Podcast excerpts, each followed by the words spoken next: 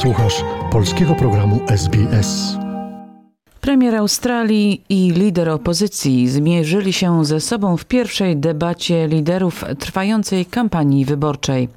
Pośród kwestii spornych znalazły się ochrona granic, Komisja do Spraw Integralności i Uczciwości oraz porozumienie o bezpieczeństwie podpisane przez Wyspy Salomona i Chiny. Queensland, w stanie, który właściwie jest wyborczym polem bitwy, przywódcy dwóch głównych partii spotkali się po ponad tygodniu kampanii wyborczej prowadzonej w całym kraju. W debacie wzięło udział stu niezdecydowanych wyborców z Queensland, którzy zadawali pytania. Scott Morrison apelował do wyborców, aby zagłosowali na niego, pozostawiając go za sterem państwa, twierdząc, że to nie czas na zmianę kursu. Wszystko zaczyna się od zarządzania silną gospodarką. Nasz rząd pokazał to poprzez silną strategię gospodarczą, która cały czas jest realizowana. Jest to więc wybór między silniejszą gospodarką a słabszą gospodarką, silniejszą przyszłością a niepewną przyszłością, powiedział Scott Morrison. Natomiast Anthony Albanese utrzymywał, że tak naprawdę rządowi zabrakło pomysłów. Obecny rząd jest już u władzy prawie przez całą dekadę i prawda jest taka, że rząd nie wyciągnął wniosków ze swoich błędów, stale je powtarzając, nie posiadając żadnej strategii na przyszłość. Wyborcy na sali zostali poproszeni o ocenę, który z liderów w debacie poradził sobie lepiej. Zwycięzcą został Anthony Albanese z poparciem 40% respondentów. Scott Morrison zdobył 35% poparcia, natomiast 1 czwarta głosujących na sali pozostała niezdecydowana.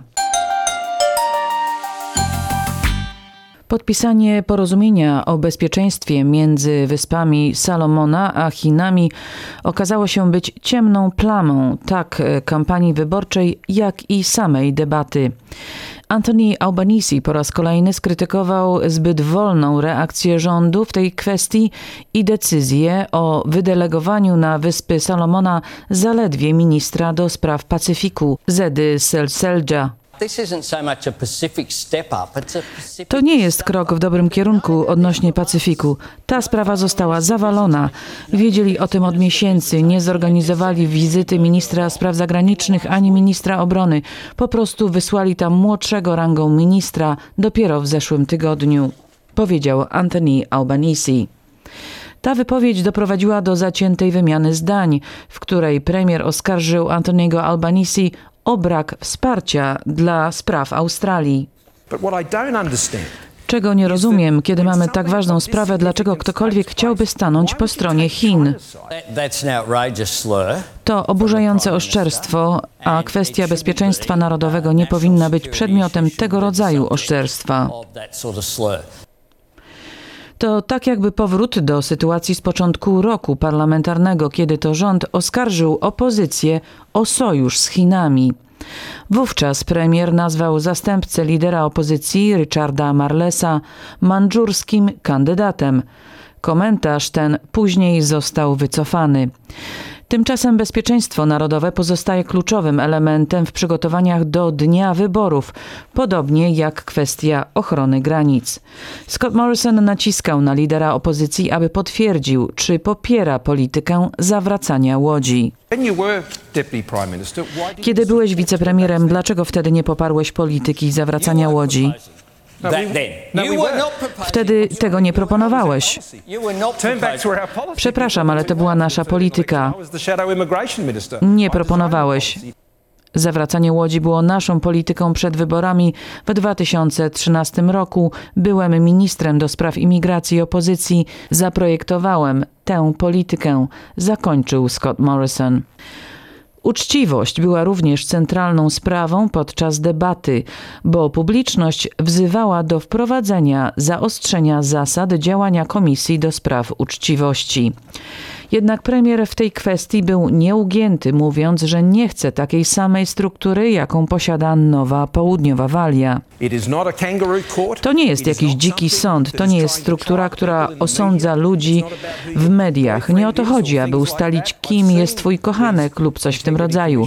Widziałem pracę Komisji Uczciwości w moim rodzinnym stanie Nowej Południowej Walii i muszę powiedzieć, że byłem rozczarowany. Pomimo obietnicy powołania Komisji Uczciwości przy ostatnich wyborach federalnych trzy lata temu, rząd nie poddał takiej propozycji pod głosowanie w parlamencie. Anthony Albanese wyraził poparcie dla modelu Komisji z Nowej Południowej Walii. Scott jest bardzo krytyczny wobec ICAC-u i tu pozwolę sobie powiedzieć to o Komisji Antykorupcyjnej Nowej Południowej Walii. Uznała ona zarówno posłów liberalnych, jak i posłów Partii Pracy winnych korupcji. I dobrze, powiedział Anthony Albanese. Liderzy zostali również zapytani o przyszłość krajowego systemu ubezpieczeń dla niepełnosprawnych. Mam czteroletniego syna z autyzmem. Jesteśmy wdzięczni za fundusze z NDIS, ale słyszeliśmy wiele o ludziach, których fundusze zostały ostatnio obcięte przez obecny rząd. Scott Morrison odpowiedział. Jenny i ja zostaliśmy pobłogosławieni tym, że urodziły nam się dzieci, które nie musiały doświadczyć takich problemów. Więc rodziców z niepełnosprawnymi dziećmi mogę tylko spróbować zrozumieć, powiedział Scott Morrison. Taka odpowiedź szybko wywołała gniew ze strony Partii Pracy, a konkretnie rzecznika opozycji do spraw NDIS. Bill Shorten napisał na Twitterze: Premier mówi, że ma szczęście mieć dwoje pełnosprawnych dzieci, ale przecież każde dziecko jest błogosławieństwem. Na to Anthony Albanese podkreślił, że jest zdeterminowany, aby kontynuować politykę wprowadzoną po raz pierwszy przez Julię Gillard. Po debacie niektórzy niezdecydowani wyborcy wypowiedzieli się w SBS. Raczej jestem pod wrażeniem Albanese. Czy spodziewałeś się, że zrobi na tobie wrażenie? Nie, nie spodziewałem się. Dla mnie Morrison. Co jest powodem? Po prostu mówił dobrze i wyraźnie i wiedział o czym mówi. A ja myślę, że był prawie remis. Prawie remis, jakieś ekstra punkty dla któregoś z nich? Nie zupełnie. Myślę, że oboje powiedzieli to, co chcieli powiedzieć, trzymali się swoich strategii partyjnych i tak naprawdę moje zdanie się nie zmieniło. Zgodnie ze zwyczajem przywódcy polityczni spotkają się trzy razy na takich debatach podczas wyborczej kampanii federalnej. Na razie jednak nie ustalono żadnych przyszłych terminów. Materiał Krishani Danji z Newsroomu SBS opracowała i czytała Dorota Banasiak.